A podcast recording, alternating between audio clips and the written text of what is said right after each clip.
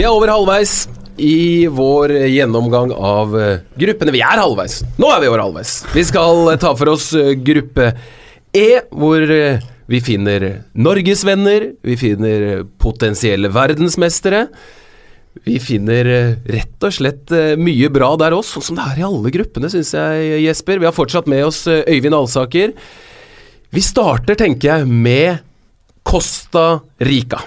4,9 millioner innbyggere er i sitt femte VM. Det første var i 1990. For fire år siden vant Costa Rica dødens gruppe med England, Uruguay og Italia. De gikk også videre til kvartfinalen, hvor det ble exit mot Nederland etter straffekonk. Flest kamper i dagens tropp. Brian Ruiz Sporting Lisboa i dag, og han har da 110 landskamper. Kvaliken det var, som det ofte blir i det nord- og mellomamerikanske kvaliken, et bikkjeslagsmål. Men Costa Rica hadde til slutt god kontroll på avansement, og de ble eh, på mange måter USAs banemenn. For med seier 2-0 borte og 4-0 hjemme mot landet med over 100 ganger så mange innbyggere, og tap mot nabo Panama i den siste kampen, skal Costa Rica til VM, og USA blir hjemme for første gang siden 1986. Ellers kan vi nevne at 27% av alle menn i Costa Rica spiller fotball.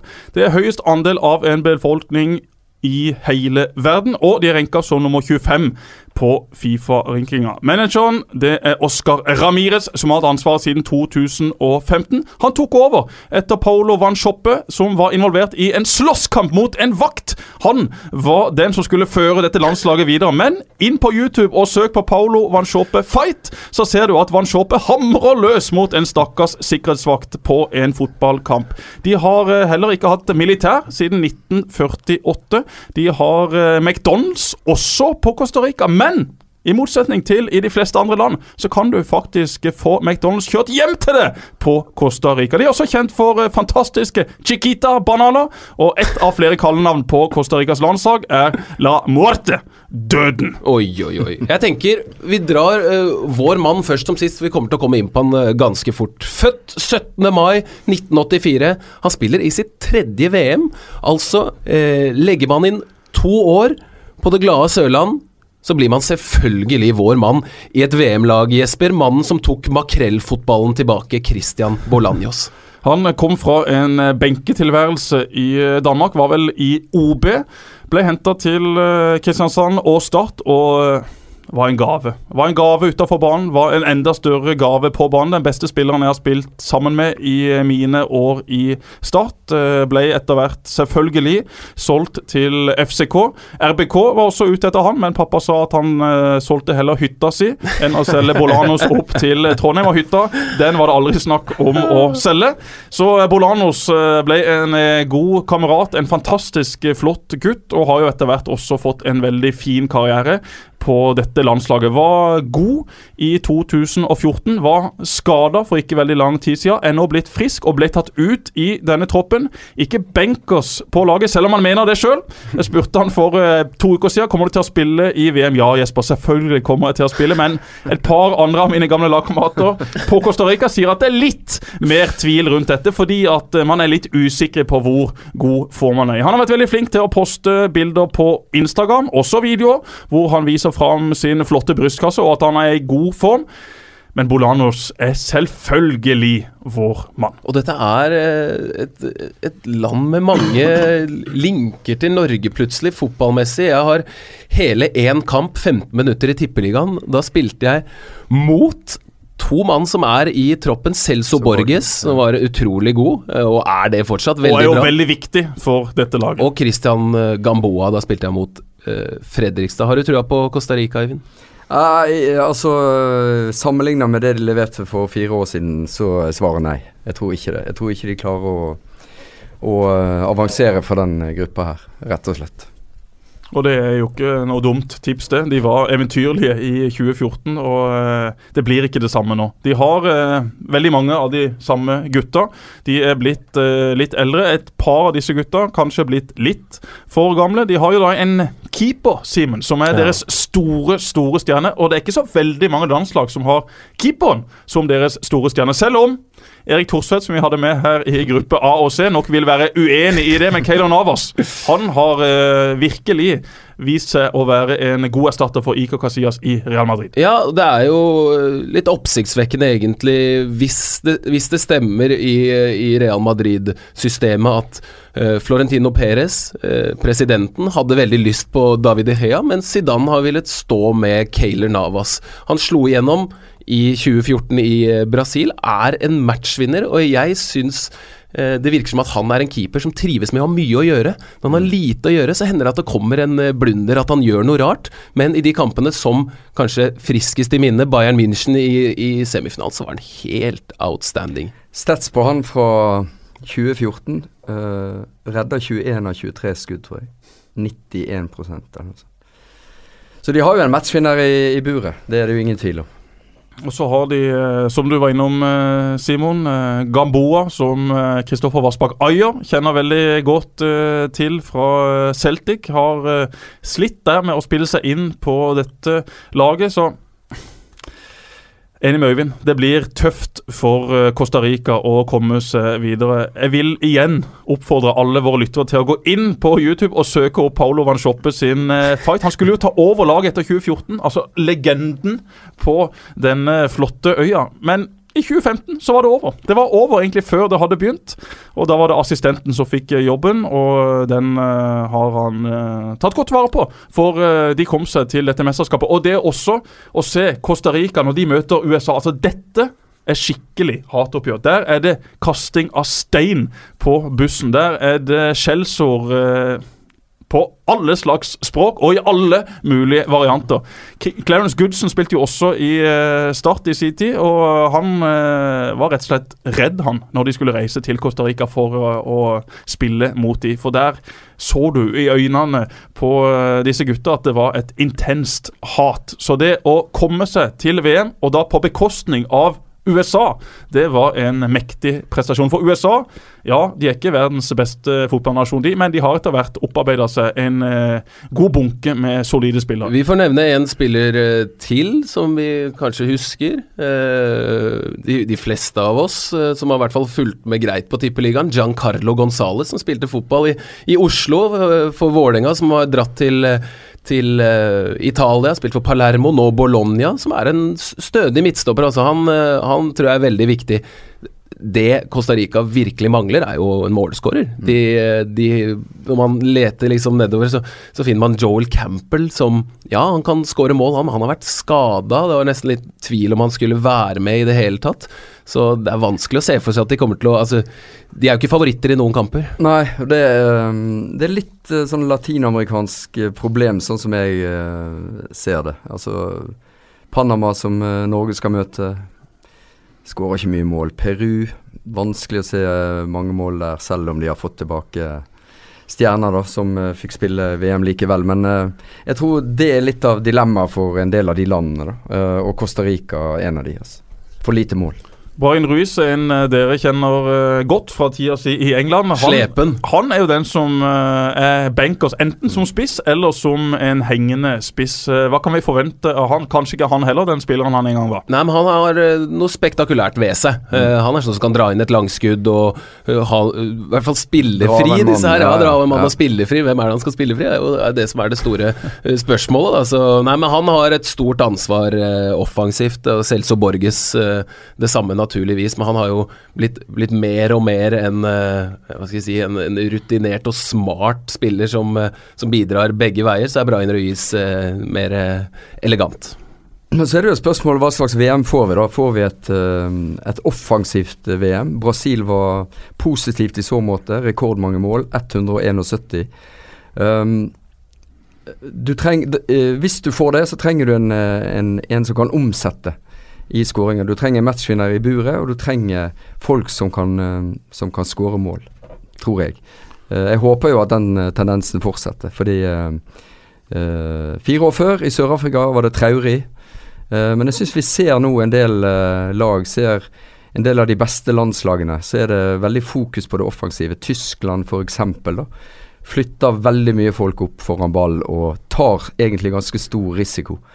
Um, og um, i det bildet så hjelper ikke det å ha disse her eh, småfikse Brian Ruiz. Det er ikke nok til å vinne kampen. De er en berikelse for VM. Costa Rica uansett eh, fargerikt, moro å ha dem med. Eh, men de er ikke favoritter på noen som helst måte. Vi går til Brasil, Jesper. 210 millioner innbyggere. De har vært med i VM 21 ganger, første gang i 1930. De har vunnet fem ganger, sist i 2002. Det er på tide at de vinner igjen. Mine personlige favoritter blant en hel haug av nydelige brasilianere, det er Ronaldo. Altså den originale Ronaldo. Ronaldinho, Roberto Carlos, Cafu og Gustavo Kirten. Sistemann kjent for å være en meget solid tennisspiller på den røde grusen i Paris. I kvaliken så var det et skikkelig show fra Brasil. De hadde ingen problemer med å vinne gruppa. De vant med ti poeng ned til neste lag, som da var Uruguay. De skåra 41 mål på 18 kamper og slapp inn kun 11. De åpna med tap mot Chile. Men så hadde de tolv seire og fem uavgjort på de neste 17 kampene. Neymar, Jesus og Paulinho skåra seks mål hver, og Neymar fikk faktisk hele seks gule kort. De er renka som nummer to på Fifa-rankinga bak Tyskland. De har en manager som heter Tite. Og så skal vi få litt feksta om et av de deiligste landene i verden. De er faktisk verdens største eksportør av kaffe. Rundt 1920 så leverte de 80% av all kaffe til hele verden. Nå er dette sunket til en tredjedel. Sao Paulo de har verdensrekorden i kø! 15.11.2013 var det totalt 309 km med kø i og rundt Sao Paulo i rushen. Det kalles skikkelig trafikkork. Det mest populære etternavnet i Brasil, det er Silva. De har 4000 flyplasser. Det er mest i verden, bortsett fra selvfølgelig USA. De har 13 513. Brasil er også kjent for å ha verdens nydeligste strender. Ipanema, Copacabana. De har samba, de har karneval, de har biff, de har humør. Og de har også Ygor og Bruno. Mine to venner fra Brasil som ble henta til Start, får masse penger uten å levere noen ting som helst. Her har vi den store favoritten til å vinne VM, Øyvind. Du kommenterte Ja. Tysklands voldtekt av dette laget i 2014. Uff. Jeg kommenterte jo først åpningskampen mot Kroatia. Um, og da Den begynte med et selvmål av Marcelo. Og øh, det var i Sao Paulo. Og jeg kan skrive under på det med trafikkø. Altså Sao Paulo tror jeg er verdens tredje største by. Altså den Byen er så enorm. Når du letter fra flyplassen der og flyr i et kvarter og ser ut, så er det skyskrapere. Altså du er Den tar aldri slutt. Og langs veien, eh, som der trafikken står, hver kilometer så ligger det et menneske som har eh, krasja på moped. Ingen har hjelm. De kjører to og tre på mopeder gjennom gata der. Ungdommer. Eh, så det var, en, eh, det var en brutal opplevelse å se trafikken i, eh, i eh, Sao Paulo. Og det var en brutal opplevelse å se Marcelo gjøre eh, selvmål, men så kom jo Neymar. Eh, og han eh, redda det jo, og han bar det jo. 210 millioner, var det du sa. eh, som drømte om eh, et sjette eh, VM-gull. Eh, det var jo på hans skuldre den drømmen lå. Eh, så mangla jo han i denne semifinalen. Tiago Silva mangla òg. Det var, var nok vel så viktig. Men det var Neymars trøye som ble holdt opp under nasjonalsangen. Og dette er jo et land med bare følelser. Sant? Alle avisoverskriftene handler om uh, følelser. Før de store kampene i dag skal brølet komme fra magen, var, var tittelen på, på første side. Um, og, det, og det prøvde de vel å skape, da. Med, uten Neymar, uten uh, Thiago Silva, så skjønte jo uh, Skolari at egentlig så er det her håpløst. Sant? Men så prøver han å skape en eller annen energi gjennom å ta frem denne trøya og få publikumsstøtte. da. Men du møter Tyskland, sant, som er helt Uh, Altså, fotballen de spiller er fantastisk. Det er ingenting maskinmessig ved den lenger. Det stempelet hadde de jo lenge. Det maskinmessige ligger jo i forberedelsene og nøyaktigheten i alt de foretar seg. Ingenting er tilfeldig. Og er det et lag som kan utnytte at Marcelo er litt all over the place, f.eks. Det så vi jo den første halvtimen der. Det var brutalt. Belo Horisonte og game over. Fortsatt et åpent sår. Ja, ja. Og det var jo Dette var jo VM-et der de skulle uh, lappe sammen et gammelt traume, 1950 og tape for Uruguay. Og så endte de opp med et enda større sår.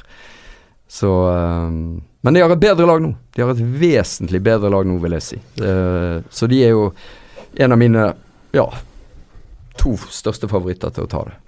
Ibson. O Neymar, o Neymar tá demais, hein? Espetacular o Neymar. A tabela com Borges. Ninguém para o Neymar. Foi embora, limpou o lance. Vem golaço, Neymar. Golaço! Gol! Er det kommentatorer som ikke sier goal? Nei, jeg- det, det er ikke det, sant? Tror ikke det. Det er bare det, det må med, liksom. Sikkert veldig upopulære. Neymar er med, Neymar er tilbake. Eh, kom inn mot eh, Kroatia nå i vennskapskamp og bare drilla og smalt. Det var jo så hardt. Nei, han er, eh, han er jo et fenomen. Eh, Klasse. klasse, virkelig. Og så har de fått Det er jo egentlig det som er det mest oppsiktsvekkende med dagens Brasil. At de har fått ikke bare én, men to utrolig gode keepere. De har et luksusproblem mellom stengene. Ja, ja.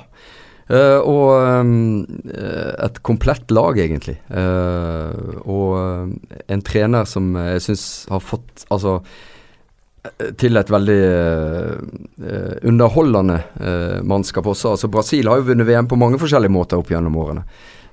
Fra egentlig ganske seigt til, eh, til morsom fotball. eh, og det kanskje beste brasilianske utgavene vant jo aldri. Og da er vi jo eh, tilbake eh, i, Ja, du snakker om å gråte foran TV-en, altså, men 82-VM med Zico og gutta var jo Ja, det var kjærlighet, da. Så at de ikke vant noe, er jo nesten uforståelig. Men så skal du vinne i, på et annet kontinent. Det har vist seg vanskelig. Brasil har vel gjort det, de vant jo i Sverige, men det, det har vist seg vanskelig. Og Europa dominerer. Sant? Det var helt sånn neck and neck 9-9 på et tidspunkt. Nå er det vel 12-9 eh, eh, eller 11-9 i Europa favør. Så der, det har vist seg å være sånn kinkig for dem, da, å, komme vekk eh, fra Sør-Amerika og vinne. Um, men de topper alltid gruppene. De feier gjennom gruppespillet. Har gjort det, jeg tror de har toppa siden 82 hver eneste. Det er aldri sånn slow start der. og ikke sånn tysk å komme på slutten og hangle seg videre og sånn. Det, det er feiende flott og sånn. Og så er jo spørsmålet da Når det blir de små marginene, så vet man jo aldri. Men Så- mannskapet er godt nok til å vinne VM. Så har de en eh, trener i Tite som kom inn etter Dunga, og som virkelig har fått uh, Det- ordna dette laget på en mye bedre måte. For vi har sett veldig mange brasilianske lag med masse gode spillere, men de har vært spredd over hele banen. Han har vært eh, ikke som trener i Europa, men i Europa for å lært hvordan skal du få organisert opp et lag defensivt. Dette er et brasiliansk lag som har tette, korte avstander når de forsvarer seg. De jobber knallhardt. Han har eh, store ting å vise til som klubbtrener for Corinthians i eh, Brasil. Vunnet både det ene og det andre. Så dette er en eh, fyr som står høyt i kurs. Har et veldig godt forhold til de store stjernene i Brasil. Han får de til å yte sitt beste. Og han har også fått inn da denne ekstremt viktige forståelsen. For uansett hvor god du er til å spille fotball, hvis ikke du jobber knallhardt, hvis ikke du er godt organisert mot de beste lagene i verden, så skjer det som skjedde mot Tyskland. Ja, Tyskland hadde kanskje mer kvalitet akkurat i den kampen, men det var heller ikke så stor forskjell som resultattavla viste. Dette er et komplett lag med en eh, trener som eh, virkelig har fått dette laget til å fungere som et kollektiv. Og det er jo den store, store forskjellen. På en del andre utgaver vi har sett. De har altså Neymar, Jesus, Coutinho der framme. De har Femino, som eh, har vært fantastisk for Liverpool, som kom inn og skårte mot Croatia på søndag. Han eh, pusher virkelig for en plass nå, og nå har de plutselig konkurranse helt eh, der fremme. Jeg gleder meg så til å se dette laget, Ja, det en og det er min store favoritt. helt annen eh, Det er jo gjerne ikke det man snakker om med Brasil. Gode keepere og en helt annen balanse i laget.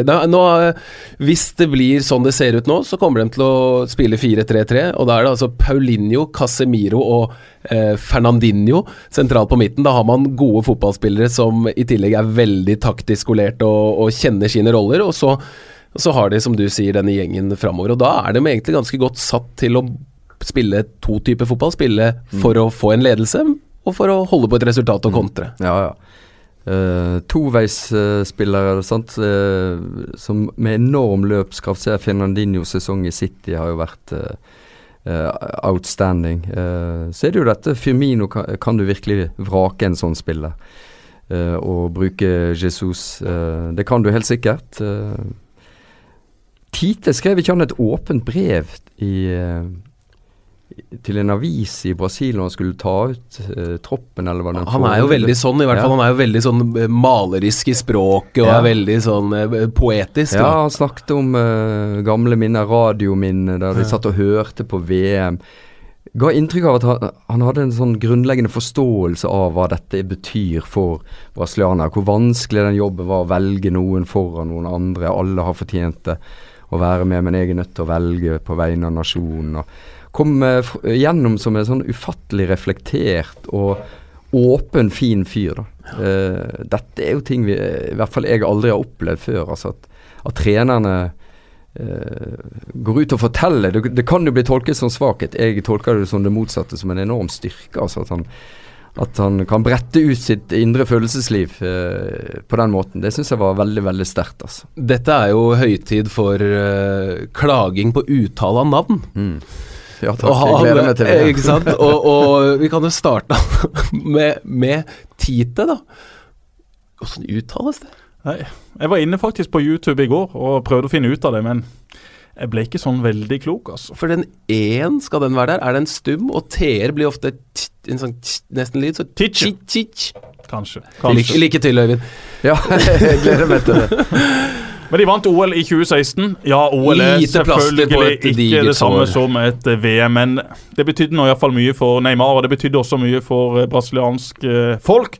Og det betydde også mye for Kasper Wikestad, som kommenterte denne finalen sammen med meg. Kasper satt og grein i studio oppe på Nøstet i Bergen. Han var like rørt som en skikkelig hardbarka brasilianer. De hadde altså ikke plass til Sandro og Fabinho i denne troppen, og det også var tid til klapper. Ja, Kanskje jeg skulle tatt de med hvis det var de beste fotballspillerne jeg skulle tatt med. Men jeg må ha typer som kan erstatte de andre typene jeg har i dette laget. Og det også liker jeg med en landslagstrener. Ja, du kan ikke bare ta ut de 23 beste fotballspillerne. Du må ta ut de 23 beste Nei, de 23 spillerne som gir deg best mulighet til å vinne dette VM. Og det har jeg inntrykket av at Brasil har gjort. De har god dekning over hele banen. Skulle de få en skade, så kommer de til å erstatte den på en grei måte, så lenge det da ikke er Neymar. For blant alle disse verdensstjernene, så er han den klart største. Nå eh, snakker vi om Brasil som et maskineri, plutselig, og, og det vil jeg bare stoppe litt, grann, da. Så, så kan jeg introdusere vår mann i Brasil. Det er en spiller jeg bare elsker å se fotball, fordi han får det til å se ut som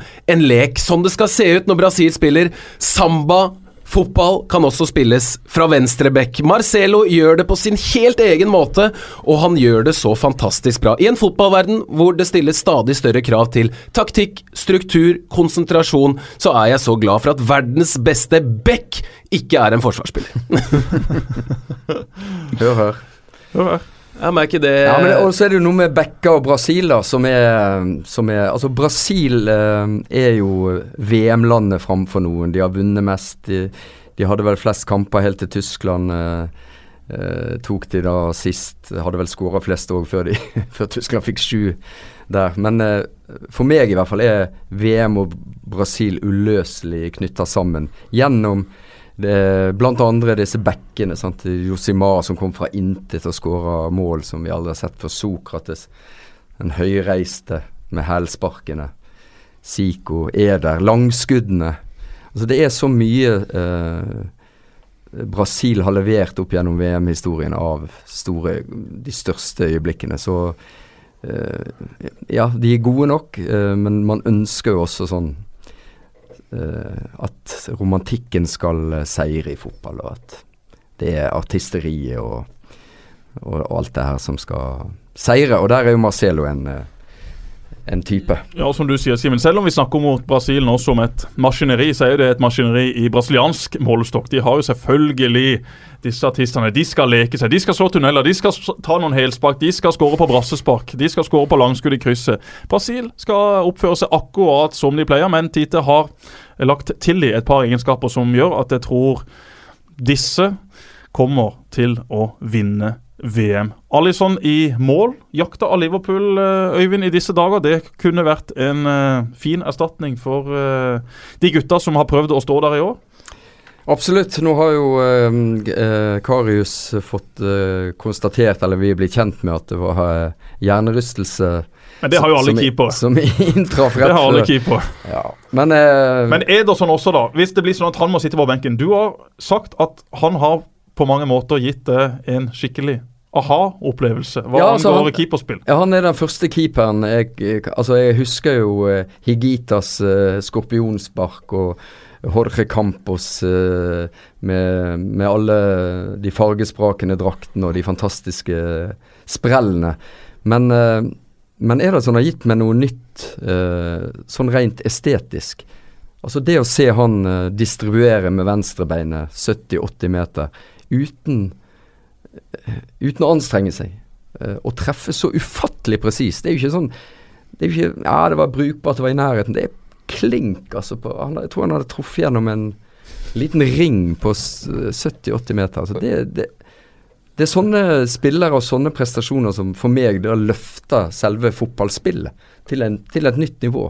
Bringe et nytt element inn. Og overraskelsesmomentet blir jo ekstra stort når han ser ut sånn som han gjør. Han ser jo ut som en sånn MMA-fighter, og så er det liksom helt ballerina med, med ballen i, i føttene. Alison Becker, som vi, vi snakker om, er jo han er jo vakker, eh, estetisk, og han har faktisk en del av det samme ved seg. Han er ikke like Han ikke, han har ikke det du, du snakker om, de der 80 meters helt på foten hver gang, for det er nesten sånn med, med Ederson. Men uh, vi snakker om at man kan gå inn og søke litt på YouTube. Søk på Alison som trikser med ballen, uh, veit ikke hva det blir på engelsk, men, men gjør det. Han, han har eh, nesten sånn at jeg vil påstå at disse to gutta kunne vært midtstopperpar for et eller annet annet uh, sildelag i, i VM. Altså, de, de er så gode med ballen, og når det i tillegg er eh, høy redningsprosent, så sier det seg selv at dette er eh, veldig bra. Men det er jo vakkert. Er Jogo Bonito, det vakre spillet. altså Det begynner fra, fra målvakten, altså. Og sprer seg via Marcelo og Coutinho. Åh, nå gleder jeg meg. Det er- det- Neymar. Det Nå fikk det er første gang jeg har fått sånn skikkelig VM-feber mens jeg sitter her. Når vi begynner å snakke om, eh, om Brasil. Jeg ser for meg hvordan de starter angrep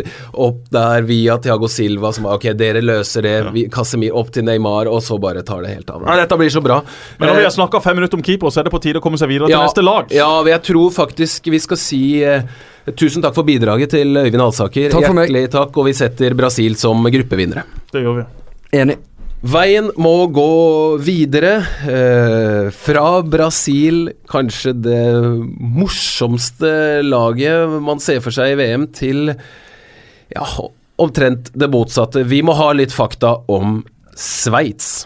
Øyvind Alsaker måtte gå, men vi durer videre. Vi ved Sveits, som har 8,2 millioner innbyggere. De har vært med i VM ti ganger. Første gang i 1934. De var i kvartfinalen i 34, 38 og i 54. Deres største tap det kom eh, for England 0-9 i 1909. De tapte også for Ungarn 0-9 to år etter. Så det var tungt å være Sveits-supporter rett før første verdenskrig. Største seier den kom mot Litauen i 1924. 9-0 vant Sveits da. I kvaliken så slo de Portugal 2-0 i sin første kamp og vant ni av ti kamper i gruppa. Men det holdt ikke til å vinne denne gruppa, fordi at Portugal de vant også ni av ti kamper, og vant da, som dere skjønner, hjemme mot Sveits. Nord-Irland ble motstanderen i playoff, og Ricardo Rodriguez, venstrebekken, ble den store helten da han skåra de to oppgjørende mål på straffespark. Ellers så er de renka som nummer seks på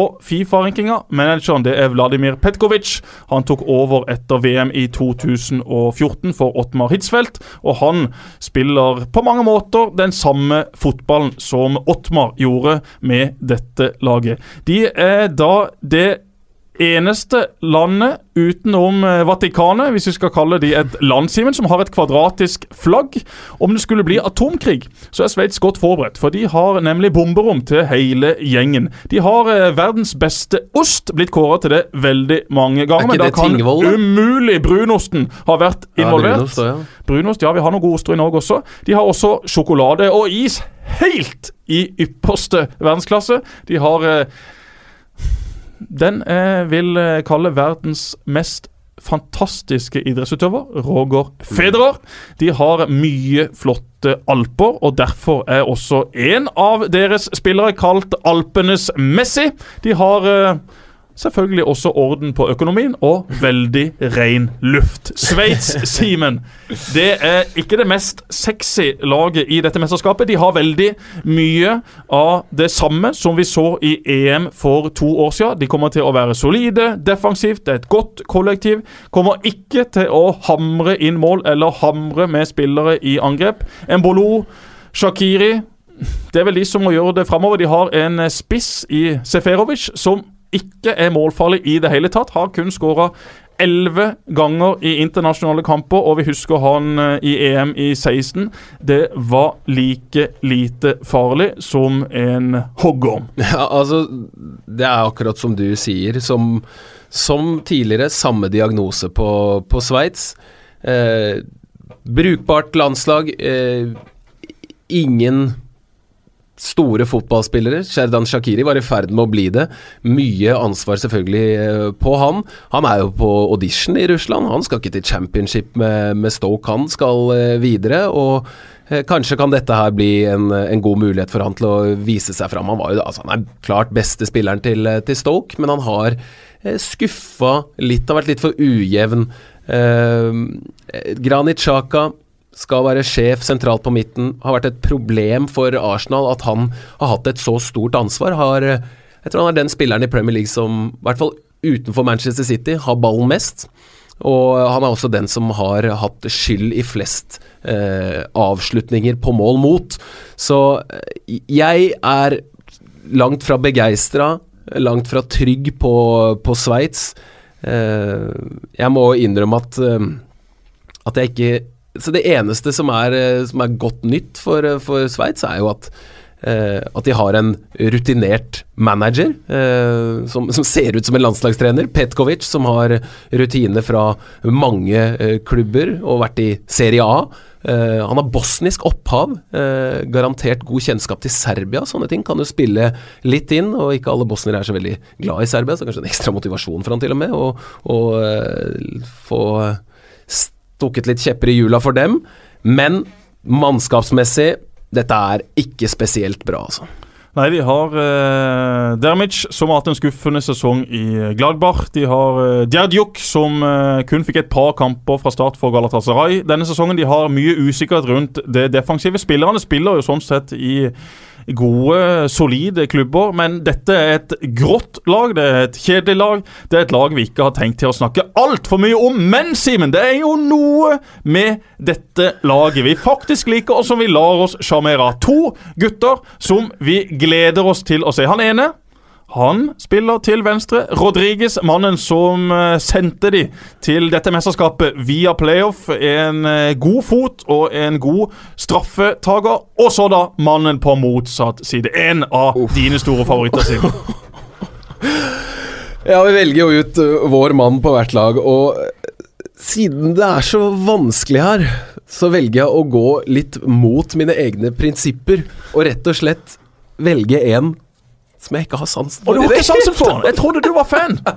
Men det var du da ikke. Nei, vi velger uh, Stefan Lichsteiner. Uh, vår mann hos Sveits skal vi følge med på av feil årsaker, egentlig. Nå har jeg fulgt han i årevis, siden han kom til Serie A for ti år siden.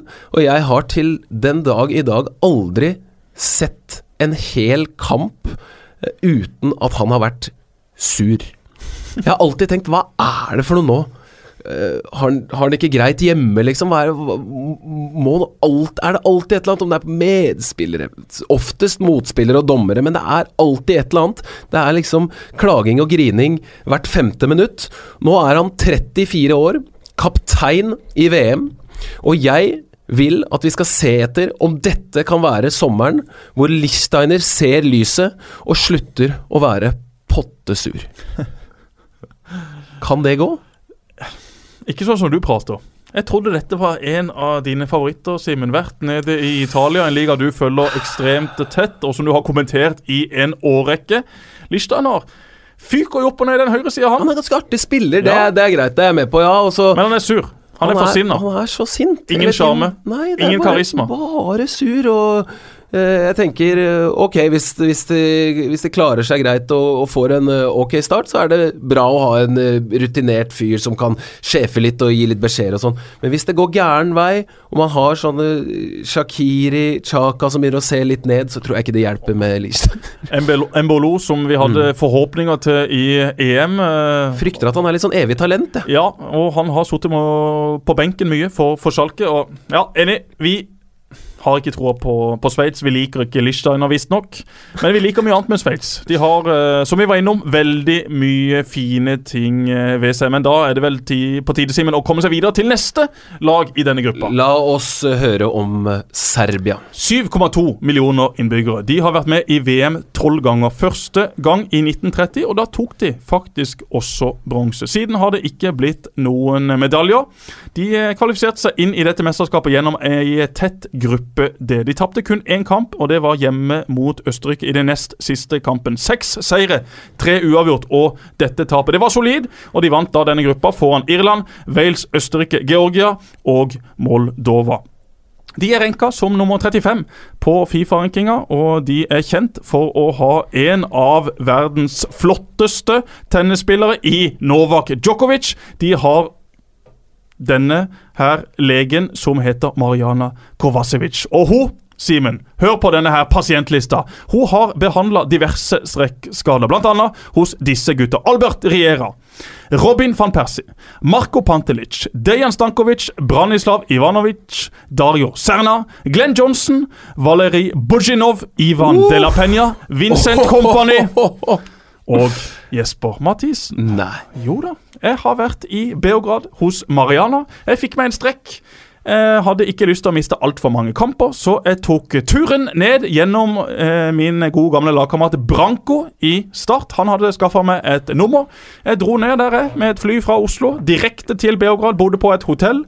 Ble da behandla i ei kontorbygning like ved siden av dette hotellet. Og der var Mariana på jobb. Med en sigarett i den ene hånda og et apparat i den andre tok hun og sendte noe salve på mine lår, og så var det et apparat som da sendte strøm gjennom mine lår, og da fikk denne her salva fykt inn i musklene, og denne strekken ble faktisk kurert. Jeg var ute med sønnen hos sin dagen etter for å teste litt hvordan dette hadde gått. Jeg kunne sparke til ballen, jeg kunne løpe. Jeg var rett og slett fiksa opp. Hun nekta å si hva hun har i denne her salva si, men det går rykter om at det er noe morkake fra hest osv. Det var en relativt dyr behandling, i alle fall for en spiller fra start.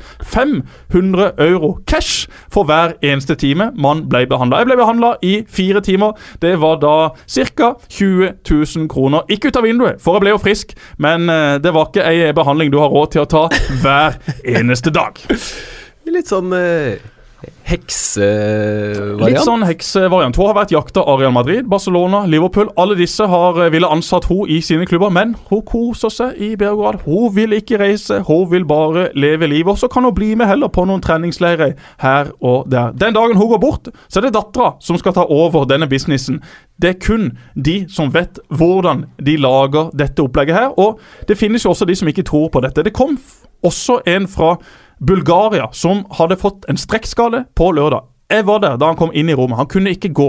Han måtte bli hjulpet opp på benken. Det var cupfinale påfølgende onsdag, altså fire dager etterpå.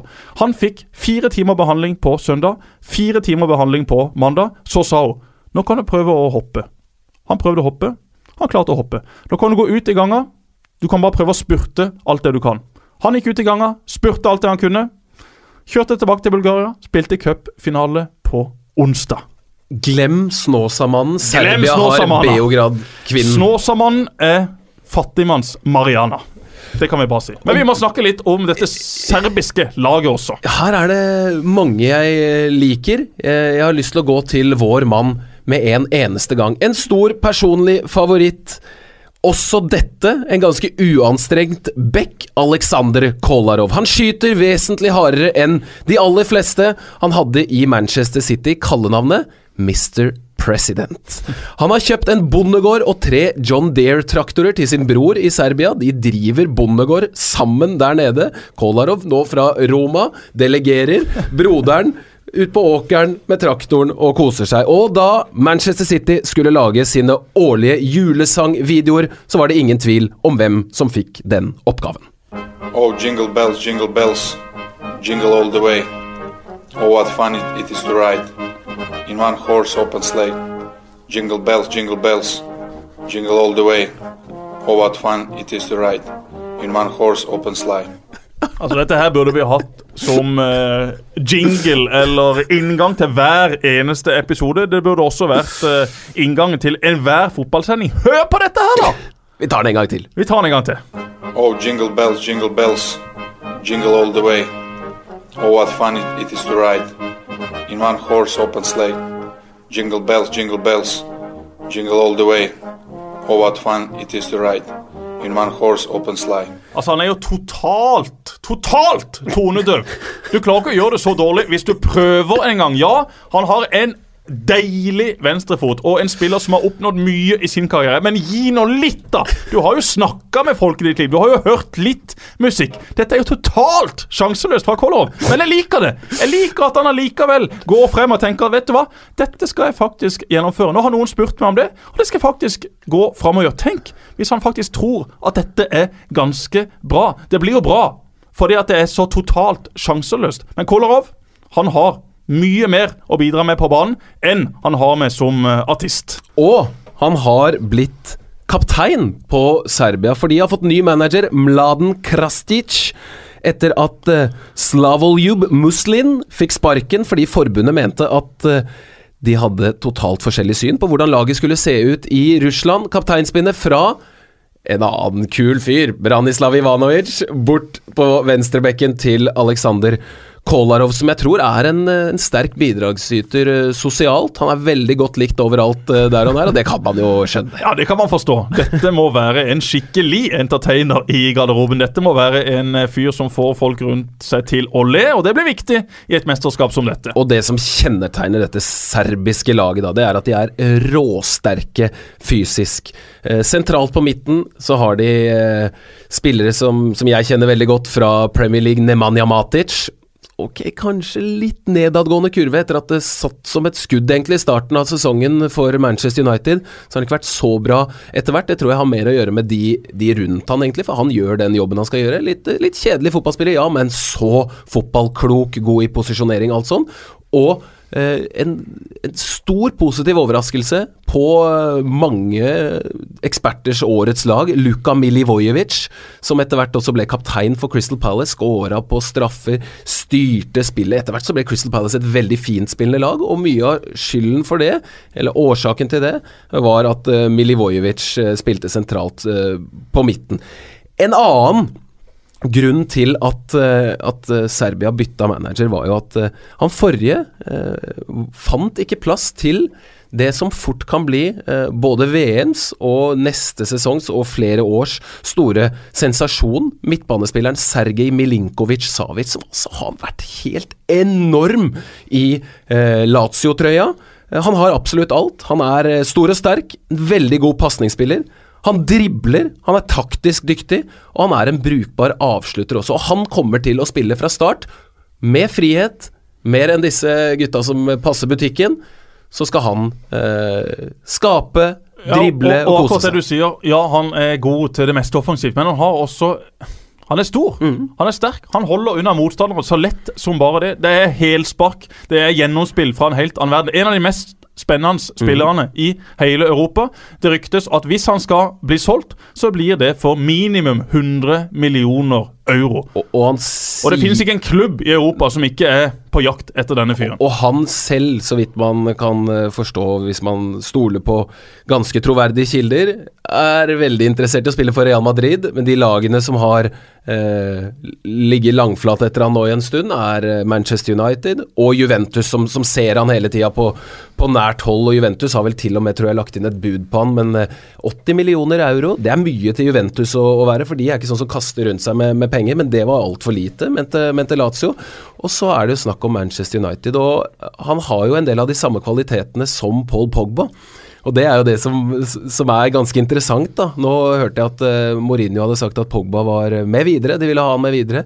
Uh, Milinkovic Savic herja mer i Serie A enn hva Pogba gjorde ofte. Da. Pogba var jo del av et mye, mye bedre lag, og, og Milinkovic Savic er mer en sjef enn det Pogba har vært, i hvert fall det siste året. Så Det blir utrolig gøy å, å følge med på Milinkovic Savic.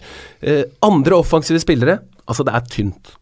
Det er ikke all verdens til lag. Mitrovic, som da er vel Newcastles eiendom, vært eh, på lån denne Strålende sesongen. championship. Ja.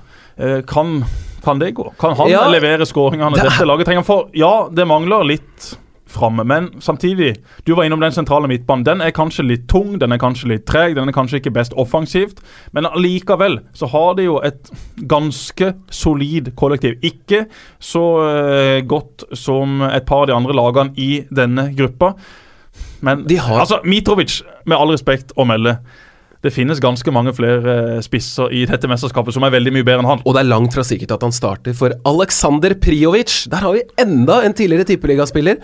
Han kan fort komme til å, å starte. Han spiller nå i, greske PAOK. Uh, han har gjort det bra på landslaget, og det er ganske stor sannsynlighet for at han spiller. Født i Sveits. Du var ikke i Tromsø da han var der, du? Nei, det var, Det var et, etter det. etter meg, og han var en vesentlig større og Simen suksess. Ja, det gikk veldig fint, det. Men han, han starta U-landslagsspiller for Serbia, og så ble han U-landslagsspiller for Sveits, U20, U21, og så tilbake som landslagsspiller for, for Serbia. Men det er jo ganske spesielt at han har dobbelt statsborgerskap og skal spille mot, eh, mot Sveits. En, eh, en brukbar spiss, men det er ikke så mye mer enn Nei, det. absolutt ikke noe mer enn det. Forventningene i Serbia de er ganske lave etter mange år med skuffende, eh, skuffende resultater. De har eh, følt det på den måten at det må skje noe spesielt for at vi igjen skal få tro at de går inn i dette mesterskapet med ganske sånn avslappa holdning. Det er ikke fotballfeber i uh, Serbia.